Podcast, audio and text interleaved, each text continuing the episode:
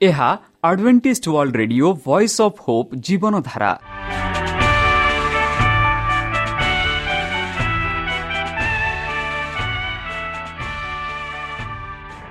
Odia radio କାର୍ଯ୍ୟକ୍ରମ ଯାହା ଆମର ଆନ୍ତର୍ଜାତୀୟ ଆଘାତ କେନ୍ଦ୍ରରୁ ପ୍ରସାରଣ କରାଯାଉଛି ପ୍ରତିଦିନ ରାତି ନଅଟା ତିରିଶ ମିନିଟ୍ରେ।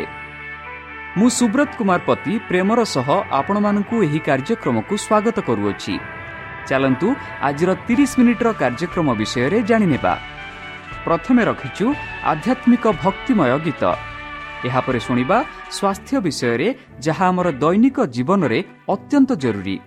ଆଉ ପରିଶେଷରେ ଶୁଣିବା ପରମେଶ୍ୱରଙ୍କ ଭକ୍ତଙ୍କଠାରୁ ଜୀବନଦାୟକ ଈଶ୍ୱରଙ୍କ ବାକ୍ୟ। ପ୍ରିୟ ଶ୍ରୋତା ତାହେଲେ ଚାଲନ୍ତୁ ଶୁଣିବା ଏକ ଆଧ୍ୟାତ୍ମିକ ଭକ୍ତିମୟ ଗୀତ। ମୋ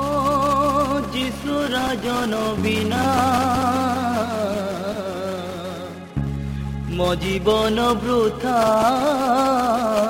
সিনা। আ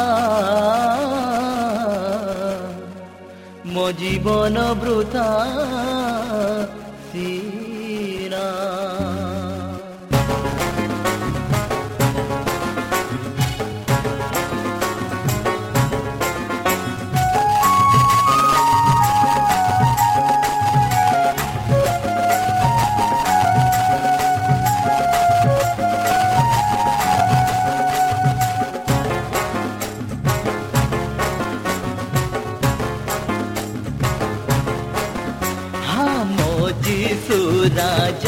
ବିନା ମୋ ଜୀବନ ଆହେ ବୃଥା ଦିନା ମୋ ଯୀଶୁରା ଜନ ବିନା ମୋ ଜୀବନ ଆହେ ବୃଥା ଦିନା ମୋ ଯୀଶୁରା ଜନ ବିନା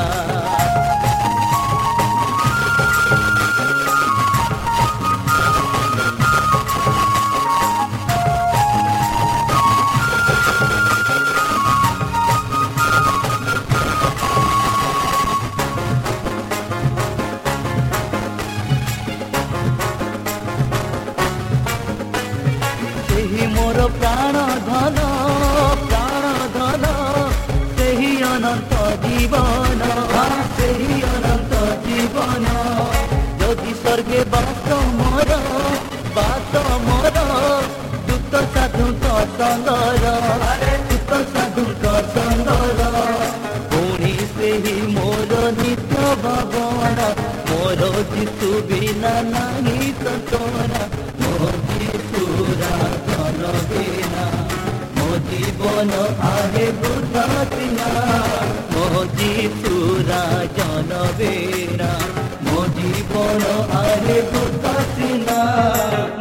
যিশুরা জনবেরা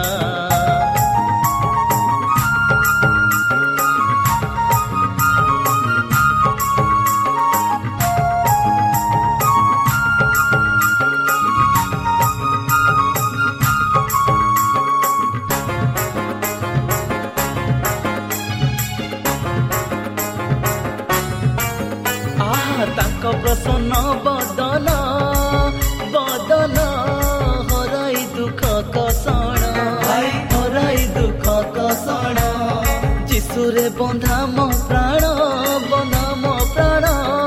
যিশু বিনা নাহি ত্রাণ, যিশু বিনা নাহি ত্রাণ।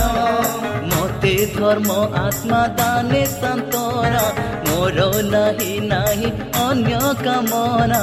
মো যিশু রাজন বিনা জীবন আহে বৃথা সিনা মো যিশুরা জনবিনা মো জীবন আহে বৃথা সিনা মো যিশুরা জনবিনা মো জীবন আহে বৃথা সিনা মো যিশুরা জনবিনা ভাই, মো জীবন আহে বৃথা সিনা মো যিশুরা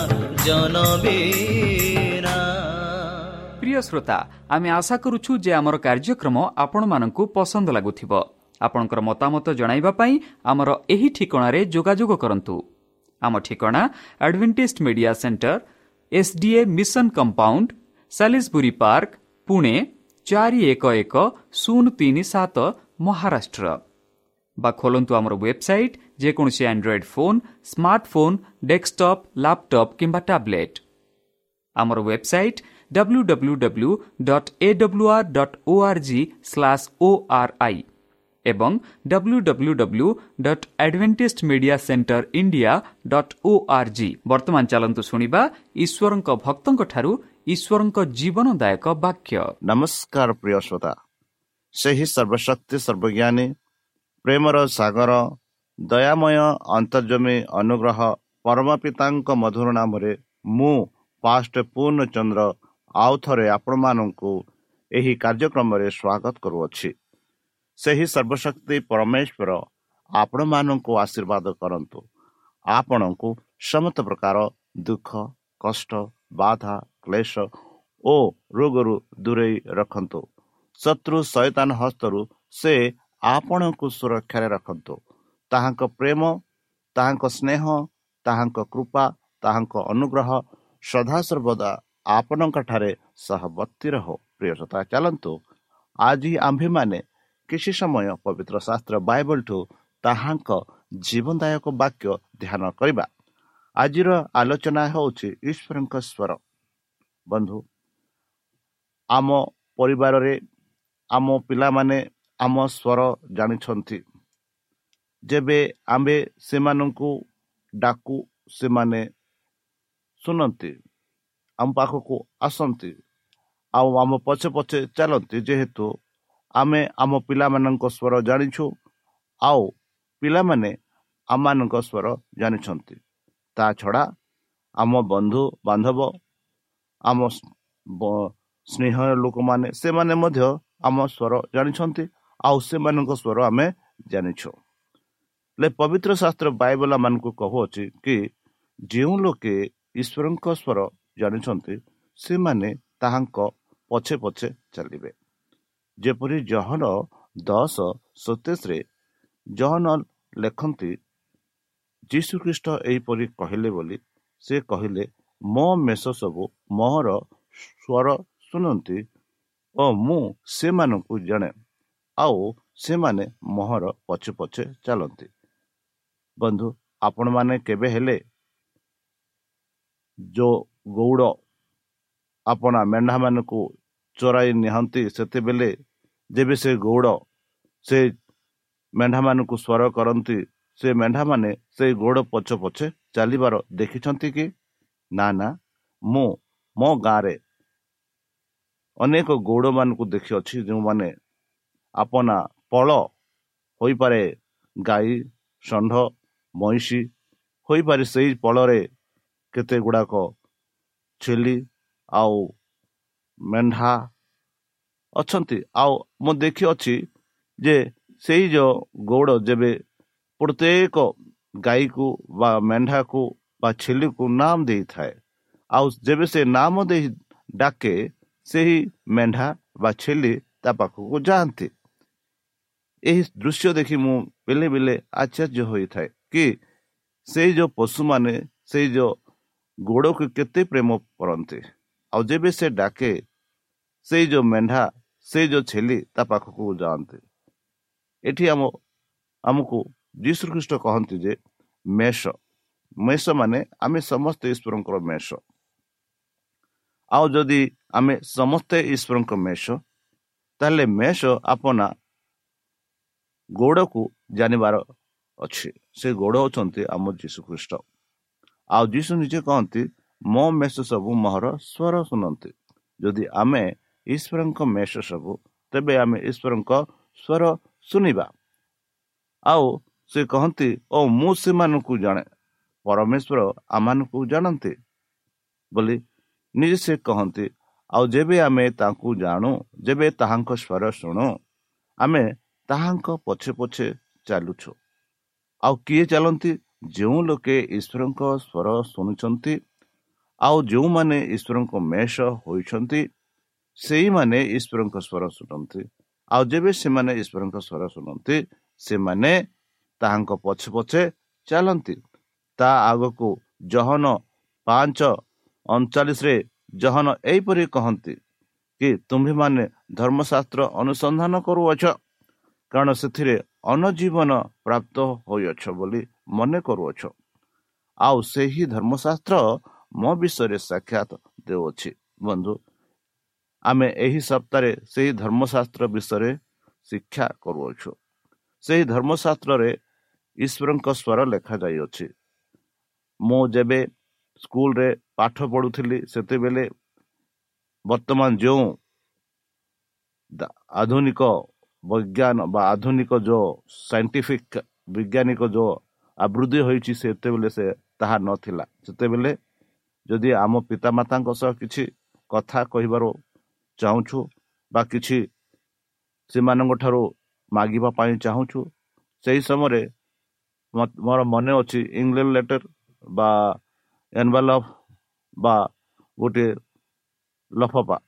ସେଥିରେ ଆମେ ଲେଖିକରି ଷ୍ଟମ୍ପ ଦେଇ ପୋଷ୍ଟ ଅଫିସ ଯାଇ ପୋଷ୍ଟ ଅଫିସ ବକ୍ସରେ ତାକୁ ଢାଲି ତାହା ସେ ପୋଷ୍ଟ ମାଷ୍ଟର ନେଇ ଘରକୁ ପହଞ୍ଚାଉଥିଲା ଆଉ ସେଇଟା ବେଲେ ବେଲେ ହୋଇଥାଏ ସପ୍ତାହ ଦୁଇ ସପ୍ତାହ ତିନି ସପ୍ତାହ ବେଲେ ବେଲେ ମାସେ ଆଉ ବେଲେ ବେଲେ ପହଞ୍ଚେ ବି ନାହିଁ ମାତ୍ର ଏଠି ପବିତ୍ର ଶାସ୍ତ୍ର ବାଇବଲ ହଉଛ ହଉଛି ଆମର ସେହି ଚିଠି ଆଉ ସେହି ଚିଠିରେ ଆମେ ଈଶ୍ୱରଙ୍କ ପ୍ରେମ ଈଶ୍ୱରଙ୍କ ଜୀବନ ଈଶ୍ୱରଙ୍କ ଆମ ଜୀବନରେ କ'ଣ କରିବେ ତାହା ତାହାଙ୍କ ଇଚ୍ଛା ସବୁ କିଛି ପ୍ରକାଶ କରାଯାଇଛି।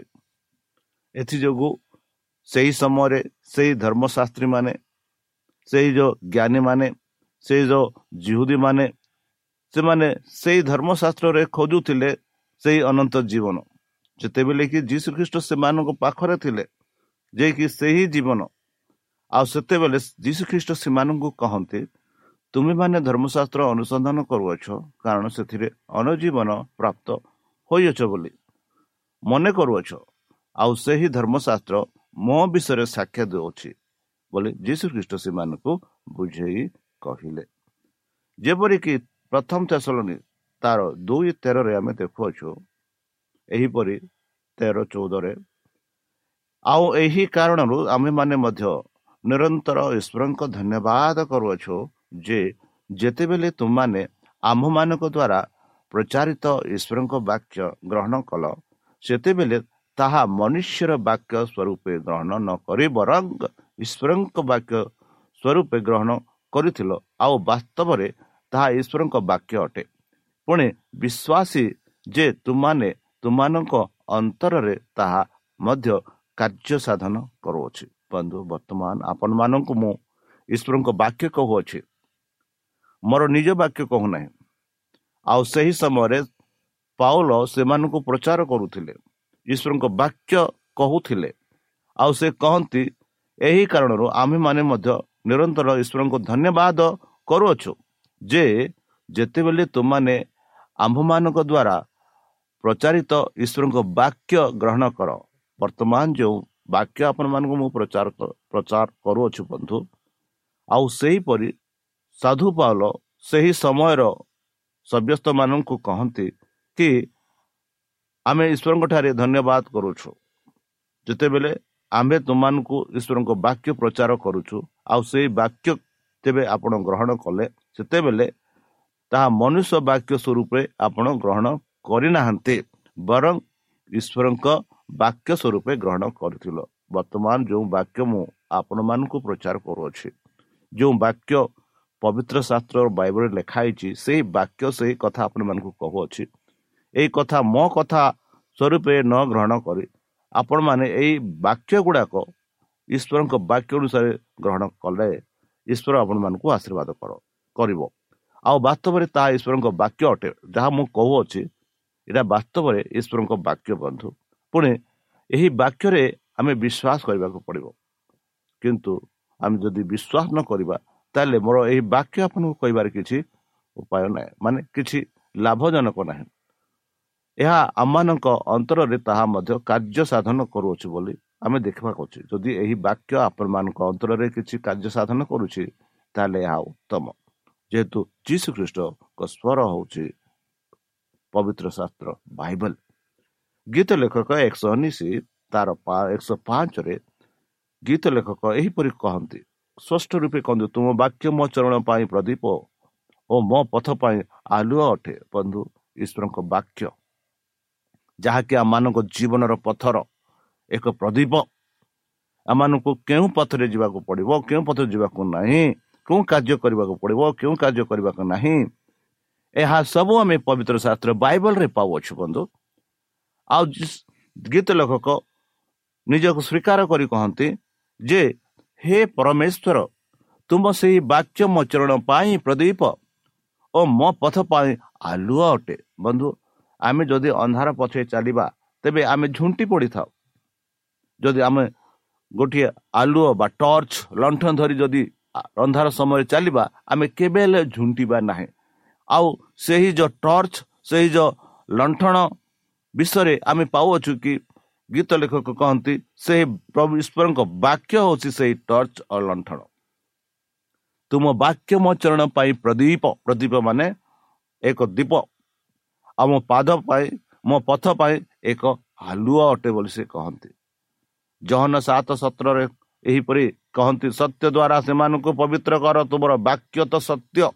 ଯେହେତୁ ପବିତ୍ର ଶାସ୍ତ୍ର ବାଇବଲ ହେଉଛି ସତ୍ୟ ଆଉ ସେଇ ସତ୍ୟରୁ ଆଉ କେଉଁ ସତ୍ୟ ନାହିଁ ବନ୍ଧୁ। ଆଉ ସେଥିଯୋଗୁଁ ଯୀଶୁ ପ୍ରଭୁ ସେହି ପରମ ପିତାଙ୍କ ଠାରେ ପ୍ରାର୍ଥନା କରି କରୁଛନ୍ତି କହୁଛନ୍ତି ହେ ପରମ ପିତା ହେ ମୋ ସ୍ୱର୍ଗସ୍ଥ ପିତ ଏଇ ଯେଉଁ ସଦସ୍ୟ ଯିଏକି ମୋର ବାକ୍ୟ ଶୁଣୁଅଛି ସେଇ ସଦସ୍ୟକୁ ତୁମର ସେଇ ବାକ୍ୟ ଦ୍ୱାରା ପବିତ୍ର କର। ଆଉ ଯେହେତୁ ତୁମ ସେ ବାକ୍ୟ ହେଉଛି ସତ୍ୟ ଏଥିଯୋଗୁଁ ଏଇ ଯେଉଁ ବ୍ୟକ୍ତି ଯିଏକି ମୋର ବାକ୍ୟ ଶୁଣୁଛି ଏଇ ଯେଉଁ ମା ଯିଏକି ମୋର ବାକ୍ୟ ଶୁଣୁଅଛି ଏ ଯେଉଁ ଭାଇ ଯେ ମୋର ବାକ୍ୟ ଶୁଣୁଅଛି ସେହି ମା ସେଇ ଭାଇ ସେଇ ଭଉଣୀକୁ ସେଇ ବନ୍ଧୁକୁ ତୁମେ ତୁମ ସେହି ବାକ୍ୟ ଦ୍ୱାରା ସେମାନଙ୍କୁ ପବିତ୍ର କର ବୋଲି ବର୍ତ୍ତମାନ ବି ଆମ ଯୀଶୁ ଖ୍ରୀଷ୍ଟ ଆମମାନଙ୍କ ପାଇଁ ପ୍ରାର୍ଥନା କରୁଛନ୍ତି। କାରଣ ତାଙ୍କ ବାକ୍ୟ ହେଉଛି ସତ୍ୟ। ପ୍ରଥମତୀ ମୋତେ ଚାରି ଷୋହଳରେ ଆମେ ପାଉଛୁ ଆପଣା ବିଷୟରେ ଓ ଆପଣ ଶିକ୍ଷା ବିଷୟରେ ସତର୍କ ହୁଅ। ଏହି ସମସ୍ତ ବିଷୟରେ ଲାଗି ରୁହ କାରଣ ତାହା କଲେ ତୁମ୍ଭେ ଆପଣ ପରିତ୍ରାଣ ଓ ତୁମ୍ଭର ଶ୍ରୋତାମାନଙ୍କର ପରିତ୍ରାଣ ମଧ୍ୟ ସାଧନ କରିବ।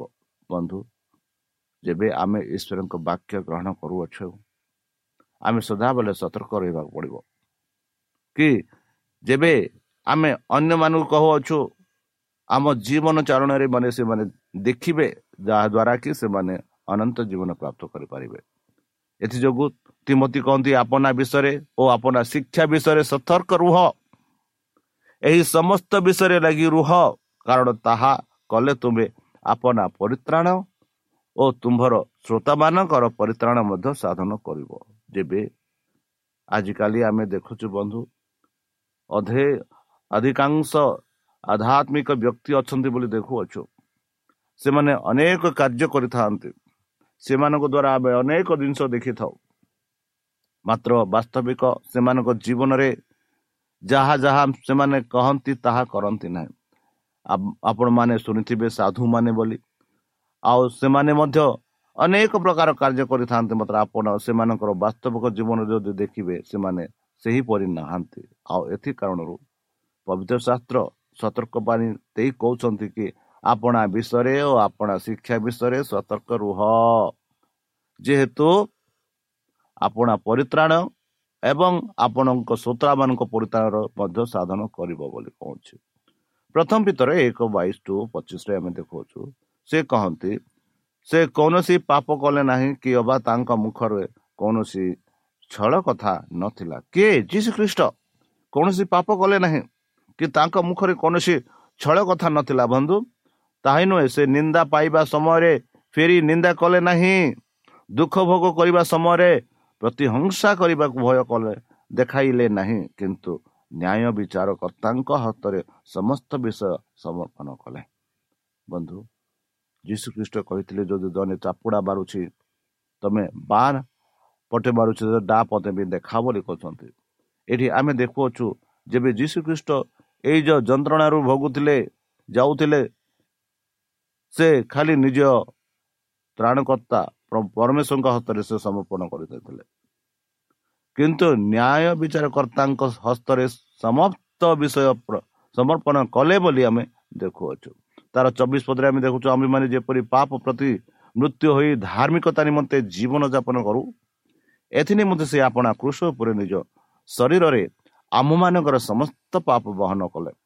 ତାହାଙ୍କ ପ୍ରହାରରେ ତୁମ୍ଭେମାନେ ସୁସ୍ଥ ହୋଇଅଛ ବନ୍ଧୁ ଯଦି ଯୀଶୁଖ୍ରୀଷ୍ଟ ଆମମାନଙ୍କ ପାଇଁ କୃଷରେ ମୃତ୍ୟୁ ନ ହୋଇଥାନ୍ତା ତାହେଲେ ଆଜି ଆମେ ପରିତ୍ରାଣର ବିଷୟରେ ଆଲୋଚନା କରିନଥାନ୍ତୁ ଯଦି ଯୀଶୁଖ୍ରୀଷ୍ଟ ସେହି ମରଣରୁ ପୁନରୁଦ୍ଧିତ ନ ହୋଇଥାନ୍ତେ ତାହେଲେ ଆଜି ଆମେ ଯୀଶୁଖ୍ରୀଷ୍ଟଙ୍କ ବିଷୟରେ କଥାବାର୍ତ୍ତା ହୋଇନଥାନ୍ତୁ ଯେହେତୁ ଯୀଶୁଖ୍ରୀଷ୍ଟ ଆମମାନଙ୍କ ପାଇଁ ମୃତ୍ୟୁ ବରଣ ହେଲେ ଆମମାନଙ୍କର ପାପ ବହ କରି ସେ ମୃତ୍ୟୁବରଣ ହେଲେ ଆଉ ସେ ମୃତ୍ୟୁବରଣ ହେଲା ପରେ ପୁନରୁଦ୍ଧିତ ହେଲେ ଆଉ ସ୍ୱର୍ଗକୁ ଯାଉଛନ୍ତି ଏଥିଯୋଗୁଁ ଆମେ ସେହି ଯୀଶୁଖ୍ରୀଷ୍ଟଙ୍କ ବିଷୟରେ ଆମେ ଆଲୋଚନା କରୁଛୁ।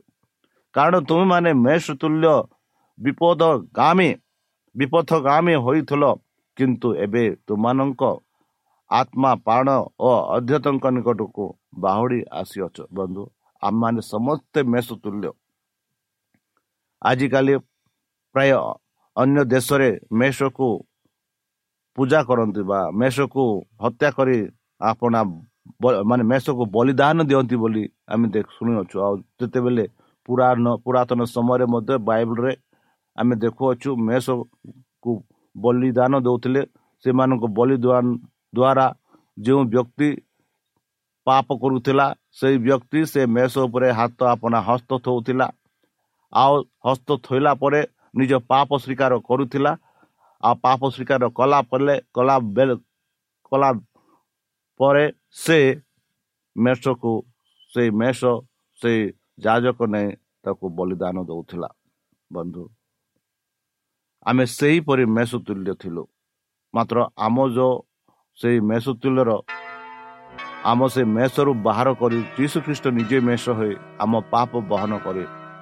ଆପଣା ଜୀବନ ଦାନ ଦେଲେ ଯେପରିକି ଆମେ ମୃତ୍ୟୁ ନ ହୋଇ ଅନନ୍ତ ଜୀବନ ପ୍ରାପ୍ତ ହୋଇପାରିବା ତାଙ୍କ ମୃତ୍ୟୁ ଦ୍ୱାରା ଯେପରିକି ଆୟୁବ ବାଇଶ ଏକୋଇଶ ବାଇଶରେ ଆମେ ଦେଖୁଅଛୁ ଅର୍ଥାତ ତୁମେ ତାହାଙ୍କ ସହିତ ପରିଚିତ ହୁଅ ତୈରେ ଶାନ୍ତି ହେବ ତଦ୍ୱାରା ମଙ୍ଗଳ ତୁମ ନିକଟରେ ଉପସ୍ଥିତ ହେବ ମୁଁ ବିନୟ କରୁଅଛି ତାହାଙ୍କ ମୁଖ ନିର୍ଗତ ବ୍ୟବସ୍ଥା ଗ୍ରହଣ କର ଓ ତାହାଙ୍କ ବାକ୍ୟ ଆପଣା ହୃଦୟରେ ସଞ୍ଚୟ କର। ବନ୍ଧୁ ଯେବେ ତାହାଙ୍କ ବାକ୍ୟ ଆମ ହୃଦୟ ସଞ୍ଚୟ କରିବା ତେବେ କେବେ ହେଲେ ଆମେ ପାପ କରିବା ନାହିଁ। କେବେ ହେଲେ ଆମେ ପାପ ପଠେ ଚାଲିବା ନାହିଁ ବରଂ ଯୀଶୁଖ୍ରୀଷ୍ଟମାନଙ୍କୁ ସାହାଯ୍ୟ କରିବା। ତାହେଲେ ଚାଲନ୍ତୁ ନିଜକୁ ସମର୍ପଣ କରି ତାହାଙ୍କ ମଧୁର ନାମରେ ଆମେ ପ୍ରାର୍ଥନା କରିବା।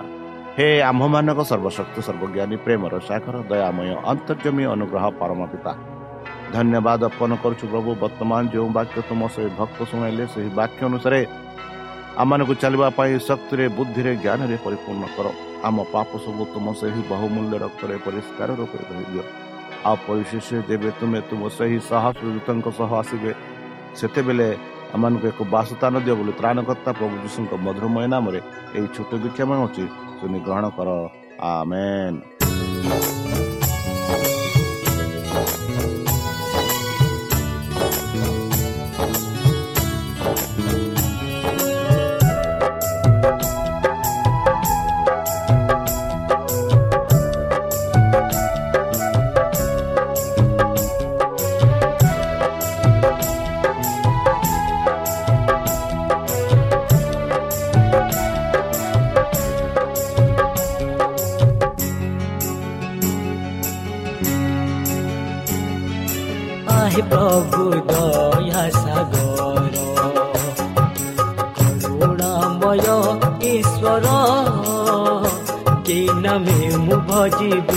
ଭଜିବି କି ନାମେ ମୁଁ ଗାଇବି ଓ ଆହେ ପ୍ରଭୁ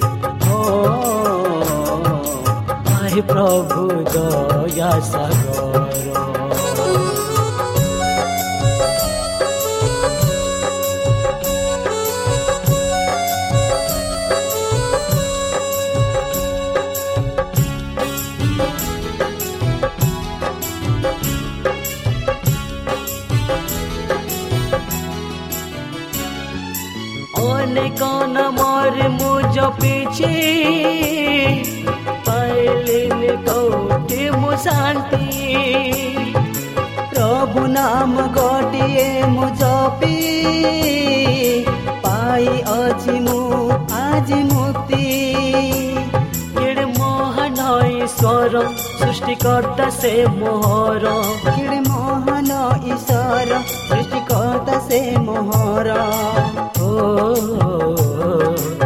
ମୋହର ଓ ଆହେ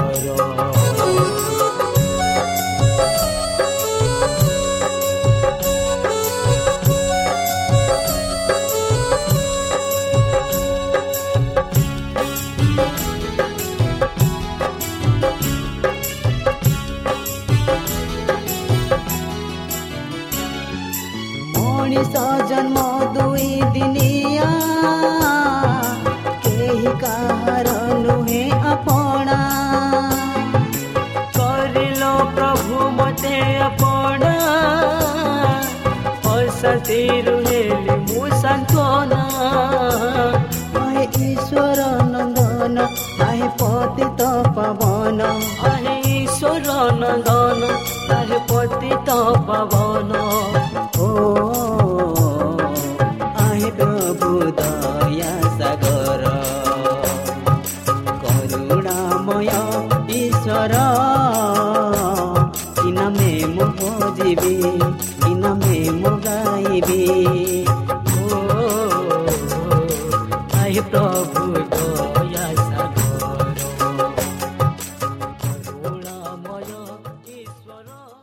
প্রিয় শ্রোতা আমি আশা କରୁଛୁ ଯେ ଆମର କାର୍ଯ୍ୟକ୍ରମ ଆପଣମାନଙ୍କୁ ପସନ୍ଦ ଲାଗୁଥିବ ଆପଣଙ୍କର ମତାମତ ଜଣାଇବା ପାଇଁ ଆମର ଏହି ଠିକଣାରେ ଯୋଗାଯୋଗ କରନ୍ତୁ ଆମ ଠିକଣା Adventist Media Centre SDA Mission Compound Salisbury Park Pune ଚାରି ଏକ ଏକ ଶୂନ ତିନି ସାତ ମହାରାଷ୍ଟ୍ର ବା ଖୋଲନ୍ତୁ ଆମର ୱେବସାଇଟ୍ ଯେକୌଣସି Android phone smartphone desktop laptop କିମ୍ବା ଟ୍ୟାବ୍ଲେଟ୍ ଆମର website W W W dot A W R dot O R G slash O R I ଏବଂ W W W dot Adventist Media Centre India dot O R G Adventist Media Centre ଇଣ୍ଡିଆର spelling ହେଉଛି A D V E N T I S T M E D I A C E N T R E I N D I A ଅଥବା download କରନ୍ତୁ ଆମର mobile app ଆପଣଙ୍କର mobile play ଷ୍ଟୋରକୁ ଯାଆନ୍ତୁ ଆଉ type କରନ୍ତୁ